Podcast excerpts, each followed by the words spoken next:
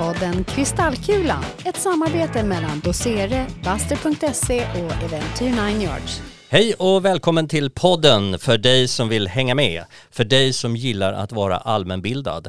Det här är podden där vi pratar framtid, trender och eh, eh vi spekulerar om vilken värld vi kommer leva i.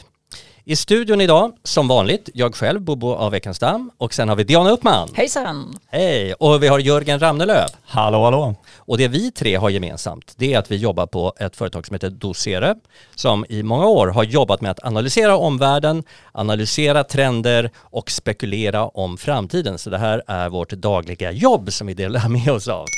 Eh, den här gången har vi tema energi, ett högaktuellt ämne. Och vi kommer prata om fusion, vi kommer prata om en förkortning som eh, heter SMR och vi kommer prata om månens baksida och vi kommer prata om att beama elektricitet.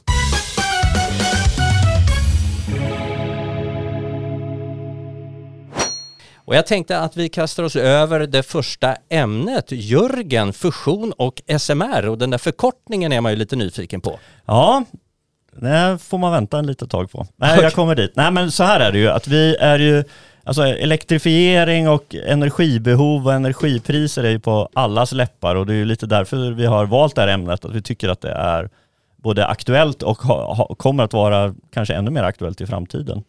Eh, för så är det ju att den här elektrifieringen som samhället håller på att gå igenom har, för med sig en sak och det är att vi kommer att behöva mycket energi. Mm. Mycket, mycket mer energi än vad vi har idag. Alla elektrifieringslöften som olika företag har Exakt. gett regeringen. och alla elbilar som ska laddas och alla annan typ av energislag som ska ersättas. Och alla servrar. Ja, väldigt mycket. Och regeringen har ju hängt på det där. De har ju bland annat utlovat 400 miljarder i garantier för att bygga ny kärnkraft. För det anses ju vara en av de stora liksom, potentialerna här. Liksom att för att säkerställa att vi har den energin som vi behöver. Eh, och, men vad händer på det här området då? Jo, men en sak som man då diskuterar väldigt mycket är ju det här med, så, det som du nämnde Bobo, SMR då. Mm. Nu kommer vi dit. Ja, nu kommer vi vad dit. Vad betyder det? Det vad det betyder? Jo, det betyder Small Modular Reactors. Eh, så som namnet då antyder så är ju det här egentligen då bara små kärnkraftverk. Mm, så man ska göra många små istället för ett stort? Exakt, mm. och eh, en av de stora fördelarna är att man då kan placera dem i anslutning till där det stora energibehovet finns. Okej, okay, så batteriparken där eh, norrut, den kommer ha den skulle kunna ha det. Ett kärnkraftverk. Nu tror jag inte just de vill ha den, men, men eh, i många andra tunga industrier, till exempel stålindustrin, mm. skulle kunna eh, ha sådana här i anslutning till sina fabriker. Och, eh, de här kärnkraftverken, de här små, de, de har ju den stora fördelen just med att de kan läggas lite på lite andra platser. De går snabbare att bygga upp, en mindre investering. Eh, och också har lite annan konstruktion. Nu är inte jag någon superexpert på det, ska jag ju villigt erkänna. Eh, men vad jag har förstått det så kan man till exempel bygga dem med, från början med själva uranet eller bränslet i liksom inne i det. Så man behöver inte tillföra någonting utan man kör det tills det tar slut och sen så är det klart sen. Mm. Och då blir det lite mindre, det blir mindre avfall helt enkelt. Mindre farligt sådär. Men det där att det är modular, vad betyder det då? Att det är modulärt? Att man ska kunna flytta det eller eh, ändra storleken eller kapaciteten? Jag tror att det har att göra med själva konstruktionen. Att de är lite mer moduluppbyggda än vad de, alltså de är lite enklare i sin konstruktion än vad okay. ett stort fullskaligt kärnkraftverk är. Mm. Är de lika säkra? De säkrare, uppge, uppges vara säkrare. Ännu säkrare? Ja, mm. för att de är just i, i, ur konstruktionshänseende så blir de lite mera, inte lika sårbara.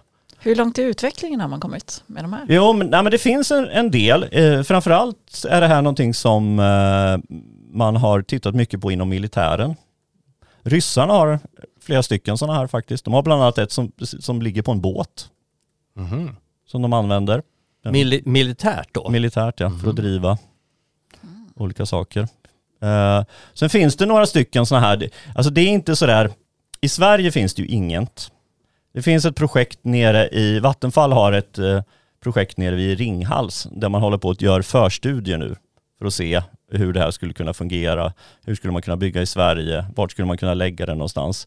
Eh, men det är som sagt fortfarande på liksom, teststadiet. Så att prognosen i Sverige är att man möjligtvis någon gång i början på 30-talet skulle kunna ha det här i, i drift. Så lite knappt ti- tio år. Knappt Det- tio år. eh, Och det låter ju snabbare än ett vanligt kärnkraftverk. Där har man ju pratat Ja. om att bara tillståndsprocessen tar en sju, åtta Ja. år. Och sen att bygga det ytterligare åtta, nio år. Mm. Mm. Nu vet jag inte riktigt om det här är den, den prognos man har gjort där, om den är liksom mera utifrån ett tekniskt perspektiv. Men det här är någonting vi kommer få se. Ja, Och vi, det kommer pratas om det. Det är din spaning. ja mycket. Mm. Och det här kommer ersätta att man nu ser över att hitta storskaliga kärnkraftverk så kanske det här blir Framförallt som ett komplement Ja. skulle jag vilja säga. Okej. För just de här hög, höganvändarna. Mm. Så vi ska lära oss den här förkortningen då, SMR, Man kommer att stöta på den ofta. Small Modular Reactors. Yes. Mm. Intressant. Och fusion då? Ja, fusion är ju en annat väldigt spännande. Just när vi fortsätter att prata lite kärnkraft då, eller kärnprocesser sådär, så fusion är ju då, en, har ju alltid varit en liten dröm i det här. Den, de kärnkraftverk jag har idag är ju fission, det vill säga då klyver vi atomkärnor för att då frigöra energi och sen ta tillvara på den och skicka ut den för användning. Eh, fusion handlar ju om att slå ihop atomerna istället och på det viset utvinna energi. Och där kan man ju då utvinna dels mycket mera energi i teorin och det är betydligt eh, säkrare process och ger betydligt mindre avfall. Just det, så avfallshanteringen blir eh, mycket mer hanterbar. Ja, Om det är någon överhuvudtaget. Det är lite grann kanske. ja lite grann är det. Mm. Men här ligger vi ju klart mycket längre fram i tiden.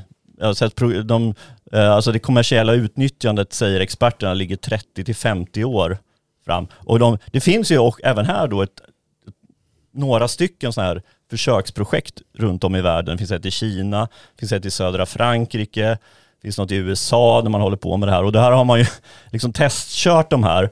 Och de, gjorde- man gjorde ett test bland annat i, i den europeiska anläggningen och där lyckades man köra i, ska vi se här, eh, hur många sekunder det var, var det fem sekunder lyckades man köra, Fem eller 25? fem. Fem sekunder? Fem sekunder. Och den energin man, man lyckades generera räckte till att, skulle teoretiskt ha räckt till att eh, ha energi till 60 stycken vattenkokare.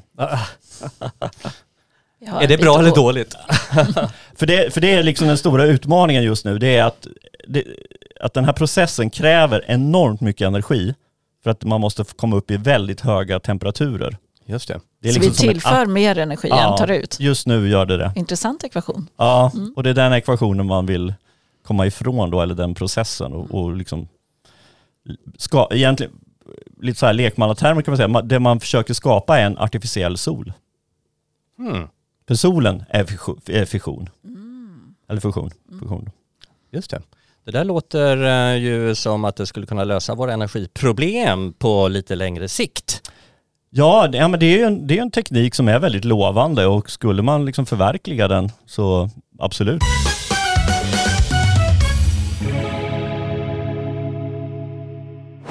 Och vårt andra ämne är månens baksida, the dark side of the moon. Fast sanningen är att vi ska prata om hela månen faktiskt. Det är en bra skiva annars. Den är väldigt bra för alla som inte har lyssnat på Pink Floyd. Kan vi varmt rekommendera den från Kristallkulan-podden. Eh, tänk om de rekommenderar åt andra hållet också. Att Mm. ehm, Pink Floyd eh, Rekommenderar kristallkulan. Mm. Ja. Mm, Mycket bra. Mm. Hörrni, eh, helium-3, eh, det är en isotop, en så kallad stabil isotop som ibland kallas Mhm. tralfium. Eh, och det är eh, Eh, en, en eh, sak som har en kärna som består av två protoner och en neutron. Vi ska inte bli för tekniska här.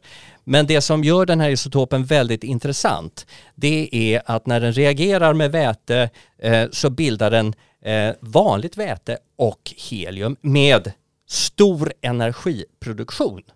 Oh, Och det var det där sista som var det, det viktiga. Mm. Stor energiproduktion.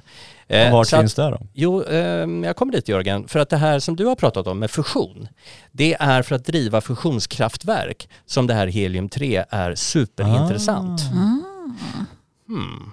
Och då kommer jag till din fråga, var finns det då? Mm. Jo, det finns inte på jorden. Jo, det gör det i liten skala, men det är väldigt sällsynt på jorden. Däremot finns det väldigt mycket på månen därför att månen inte har samma atmosfär och inte samma magnetfält eh, som vi har på jorden. Så där samlas den här isotopen och finns i stora mängder.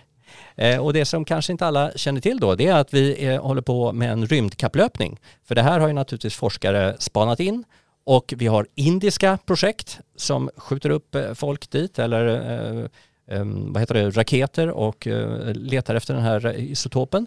Eh, och vi har kineser naturligtvis.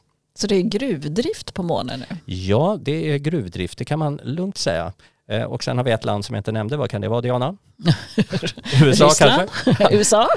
Ryssland, ja säkert eh, har de varit där också men möjligtvis har de annat att tänka på just nu då. Men USA, där håller man till och med på att bygga eh, stationer på månen. Just eh, sådana här eh, stationer där man ska kunna landa och eh, åka iväg eh, säkert.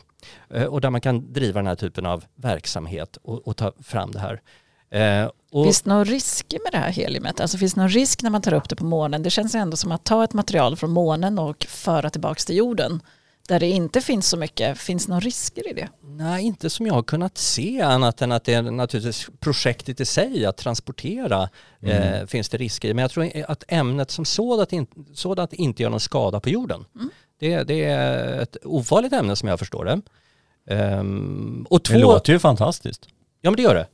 Och, och två raketer fyllda med helium-3 eh, motsvarar typ 40 ton. Det skulle räcka till att eh, driva USAs energibehov i ett år. Två raketer? Två raketer fyllda med helium-3. Men Om då man är då- frågan vad kostar det att skjuta upp de där två raketerna och vända dem tillbaka till jorden med gruvdrift? Tjänar man på det? Eh, Det är väl det som man inte gör än, utan det här är ju som vanligt då en eh, innovationsinvestering för att få igång det här. Och det krävs ju också att man har kommit en bit med det här som du pratar om Jörgen, fusion. Jo men det har, jag har ju också kollat lite på det här och jag har förstått att det är ju att det är fortfarande ganska teoretiskt. Man vet att det här helium-3 skulle kunna göra men själva processen rent praktiskt, hur den ska fungera med nya typer av kraftverk, den är inte riktigt Nej. på platsen. Så man kan nog säga att det är en förberedelse för att den nya tekniken ska utvecklas på jorden. Det är när den finns på plats som det kommer bli superintressant. Men redan nu har vi den här kapplöpningen och den i sig är ju faktiskt lite spännande att följa. När tror vi att det här kan vara realiserbart? Eh, alltså det, man är redan där. Man är redan uppe och eh, letar efter det här heliumet. Och jag vet faktiskt inte om någon har tagit hem det än. Jag tror det. Eh, för Indien har redan varit där och USA har också varit där. Så att eh, det, det här, det pågår här och nu, mitt ibland oss. Det låter lite som en sci-fi-roman. Jag tänker på en roman som är skriven av just Asimov som heter Själva gudarna som skrevs 72. Och i den romanen så behandlas det just hur man både hämtar ämnen, eh, olika grundämnen från månen och bygger gruvdrift och så bygger man även en stad på månen. Okej. Och jorden är helt beroende av månen för att utvinna energi. ja. Men det är ju det, det är ett vanligt, alltså ett genomgående tema i många sådana här science fiction, om du tittar Star Wars, liksom nästan varenda planet i Star Wars-universat är ju gruvkolonier. Och så tänker jag på Dune som hade ny premiär här förra året, som är också, där hamnar, pratar man ju om den där kryddan som då driver hela universum, som är helt oskattbar. Eh, och det är kanske det helium-3 är något liknande då. Eh, Ja men det är det. Och eh, apropå science fiction så kom det faktiskt en bok förra året som heter eh, Fight for the Future och handlar just om det här med helium-3 och jakten på den. Eh, och där är det människan. Har du läst den? Nej, jag har tyvärr inte läst den. Men jag har spanat in den och tänkt att den där vore intressant för det är då vi jordbor som möter någon annan kolonialism som vi inte kan kommunicera med och så uppstår en, ett strider som det ofta Ah. gör i science fiction. I själva gudarna så är är det inte så mycket strider men däremot så uppstår det en obalans mellan månen och jorden för att man exploaterar månen på grundmaterial. Jaha, okej. Den är intressant så Mm. frågan är kan det bli en obalans? Så månens bana runt jorden Förändras. förändras? Ja, Mm. just det. Mm. Ja. Hur påverkar det klimatet? Undrar man. Nej men det, det här ämnet finns också på planeter om man nu är intresserad av det. Jättespännande. Men, men spaningen är att hålla utkik för det här, för det här kommer pratas om Mm. eh, framöver. Den här, framförallt jakten på det och hur olika länder faktiskt positionerar sig för att leta på månen efter det här. Ämnet. Jag, tyck, jag kan flika in också, jag tycker också att det är en intressant pusselbit in för att försöka förstå varför är så många företag intresserade av att ge sig ut i rymden. Det här är en tung orsak. Precis. För du brukar ju prata om rymden Jörgen i Ja. vått och torrt eller Ja. eh, Och det här är en definitiv drivkraft. Mm. Rent kommersiella drivkrafter, som det ofta är.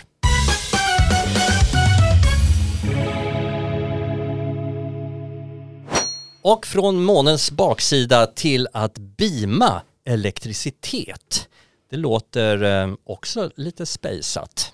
Vad säger du Diana som har spanat på det här? Hur kan man göra det? Ja, det är så bra att du sa spejsat, för det är i space jag kommer vara. Jag kommer vara i rymden. Du också? Jag är också i rymden. Eh, Det är intressant, ni har ju pratat små kärnkraft och gruvdrift. Där, pratar man ju, där blir det ju väldigt mycket restprodukter eh, i det här.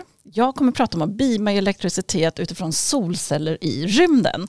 Och spaningen framåt här är att det skulle kunna ge oändligt mycket energi så vi kan lägga ner alla små kärnkraftverk. Det vi har pratat om behövs inte. Nej det behövs inte. Jag tycker det låter jätte, jättebra. Ja. I det här fallet så handlar det om att man skickar upp eh, satelliter som har solceller eh, som samlar in ljus. Och då kan man ju fråga sig varför satelliter i rymden och det är ju att vi i, på jorden har ju vi en atmosfär så att det rensar ju bort lite av det här solenergiljuset som kommer in. Så istället så kommer det solenergiljus direkt på de här solcellerna som befinner sig i rymden. Och utifrån det så vill man försöka omvandla det till radiovågor som sen beamas helt enkelt ner antingen till solceller på jorden eller till höga torn som fångar upp den här eh, radio, eh, högfrekventa radioenergin. Och så får man elektricitet, eller omvandla det till elektricitet. Och eh, de, en sån här sol, vad ska man säga, satellitsolcell skulle kunna motsvara ett kärnkraftverk, ett normalstort kärnkraftverk Wow. i energi. Tror man. Och det är två aktörer som jag har läst kring som gör det här. Det ena är SEI, så jag skulle egentligen säga det här på engelska då, men det gör jag inte, men det är Space Energy Initiative.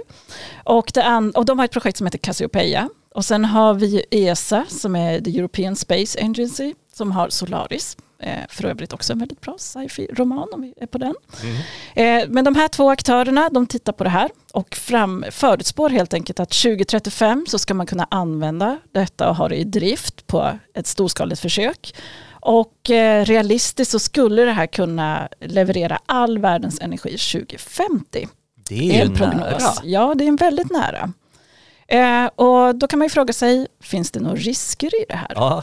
Tror, vad tror ni? Jag tänker att så här att om man beamar ner och så här, tänk om man kommer i vägen för den där strålen, då blir Mm. man väl helt kokt eller? Du vill inte flyga igenom den? Nej, du? verkligen Eller om inte någon tror riktar den fel och den hamnar på Jörgens hus. Men det intressanta med det här, det är ju som mikrovågor eller wifi som vi också har runt omkring oss. Mm. Om du står på ekvatorn i öknen till exempel så får du ungefär 1000 watt på dig.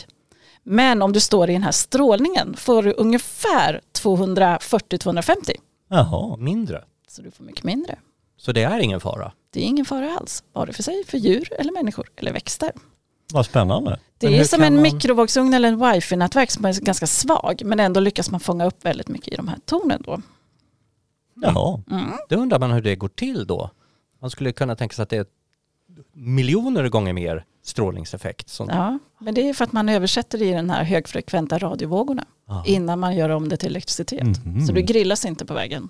Du grillas mer vid ekvatorns sol. I och för sig, där kanske man inte ska stå jättelänge heller. Nej, inte utan tropikhatt. Men man kan också tänka sig fler risker. Eh, Jag tänker på eh, rymdskrot. Vi har ju ett rymdskrot som far omkring just nu som vi undrar lite grann över vad det tar vägen. Vi upptäcker ju också rymdskrot ibland i våra vatten när det dyker, runt. Det var väl bara också Ja, för några det. dagar sedan som det upptäcktes. Och- så man kan ju tänka sig att ju mer sådana här äh, solceller i satelliter så blir det ju också ännu mer rymdskrot uppe i rymden. Det var väl bara ett par veckor sedan det här kinesiska, eh, vad var det, en sond som skulle ramla ner i Spanien så man fick stänga flygtrafiken en, nästan en hel dag. Mm. Sen ramlade det ner i havet. Ja, som tur precis. var. Mm. Ja, som tur var.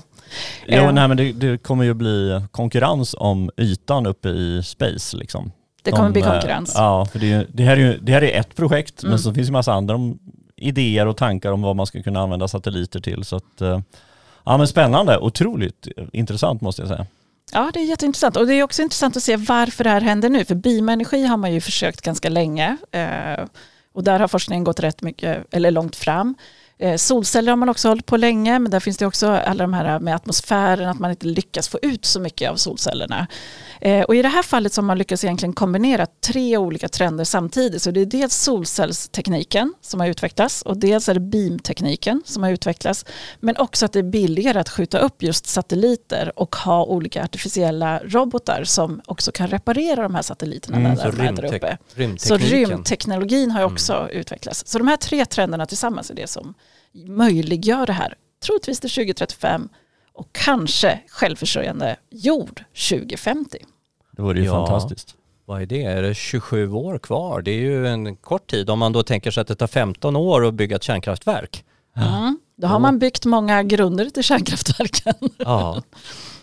Ja men det där var ju väldigt, väldigt intressant. Jag såg också att USA har, naturligtvis har något projekt där. Eh, Vad heter det? Naval Research Laboratory som skulle skjuta upp någonting nu eh, 2021. Så det borde redan vara uppe. Mm. Spännande. Så det pågår. Runt, mitt ibland oss, som brukar säga. De här trenderna, de finns mitt ibland oss. Det är bara det att vi kanske inte ser alla. Hörrni, stort tack Diana och Jörgen Tack. eh, för bra spaningar. Vad säger det här om framtidens energi om vi skulle försöka ta ner det på eh, liksom Ta ner det på en jorden. Framtid, ja, just det. Och en framtidsbild. Vilken, vilken teknik är den som kommer vinna tror vi? Det är väl egentligen att man måste risksprida teknikutvecklingen som vi också gör. Jag tänker Ja. att vi behöver satsa på kärnkraft, vi behöver satsa på vind och solkraft som vi fortsätter att göra. Bra batteriparker som kan jämna ut den här vind och solkraften. Och sen så tror jag att vi behöver den här rymdforskningen och alla de nya teknologier som faktiskt växer fram nu. Och tar vi dem allihopa så säkerställer vi energi. Ja, för det, det känns som det finns så många sådana här, eh, vad ska man säga, framtidsbilder av så här löser vi hela energibehovet. Bara att ha en, en jättesolcellspark i Sahara säger man, ja men det skulle kunna förse hela, hela jorden med den energi som behövs. Men det är transfereringen av elen då som Ja. inte riktigt fungerar än. Nej. Ja, och sen, det är lite också tycker jag hur man ser, vilka glasögon man sätter på sig. Alltså, man kan se det, eh, å ena sidan det vi pratar om idag känns ju väldigt hoppfullt. Jag menar vi pratar om fusionskraften som kanske liksom nästan avfallsfri ska ge oss den, all den energi vi behöver. Eller helium-3 som är en del av det då. Som Men också ofarligt. Som också är ofarligt. Och dina solpaneler i rymden som också verkar totalt ofarligt att få ner till jorden. Det är ju väldigt, väldigt hoppfullt. Jag håller med. Eh, alltså det är ju värt för alla som nu är oroliga för jordens framtid eller mänsklighetens framtid kanske i klimatförändringarnas spår att det lurar ändå någorlunda runt hörnet. Man kan ju tycka 25-30 år är lång tid men med tanke på hur länge vi har pratat om klimatförändringar så är det en rätt kort tid. Om någon av de här teknikerna skulle vara verklighet om 25 år vore ju det helt fantastiskt. Ja. Det Det finns hopp hoppas om vi. jorden. Finns är energifyllda. Ja, just det. Vi hoppas att alla eh, lyssnare känner sig energifyllda efter det här samtalet om tre eh, spännande områden.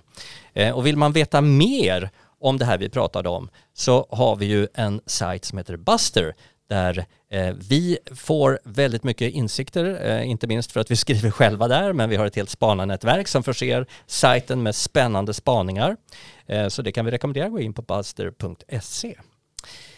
Det var allt vi hade att bjuda på i dagens avsnitt. Stort tack Diana Uppman, Tack. tack Jörgen Ramnelöv Tack Bobo. eh, och tack Annette Mörk, vår producent på Äventyr Nine Yards. Eh, Och jag tänkte att vi eh, avslutar det här programmet med en låt som kanske passar dagens ämne. Jag vill ha en egen måne av och med Ted Gärdestad. Vi ses om en vecka. Hej då! Hej då. Hej då!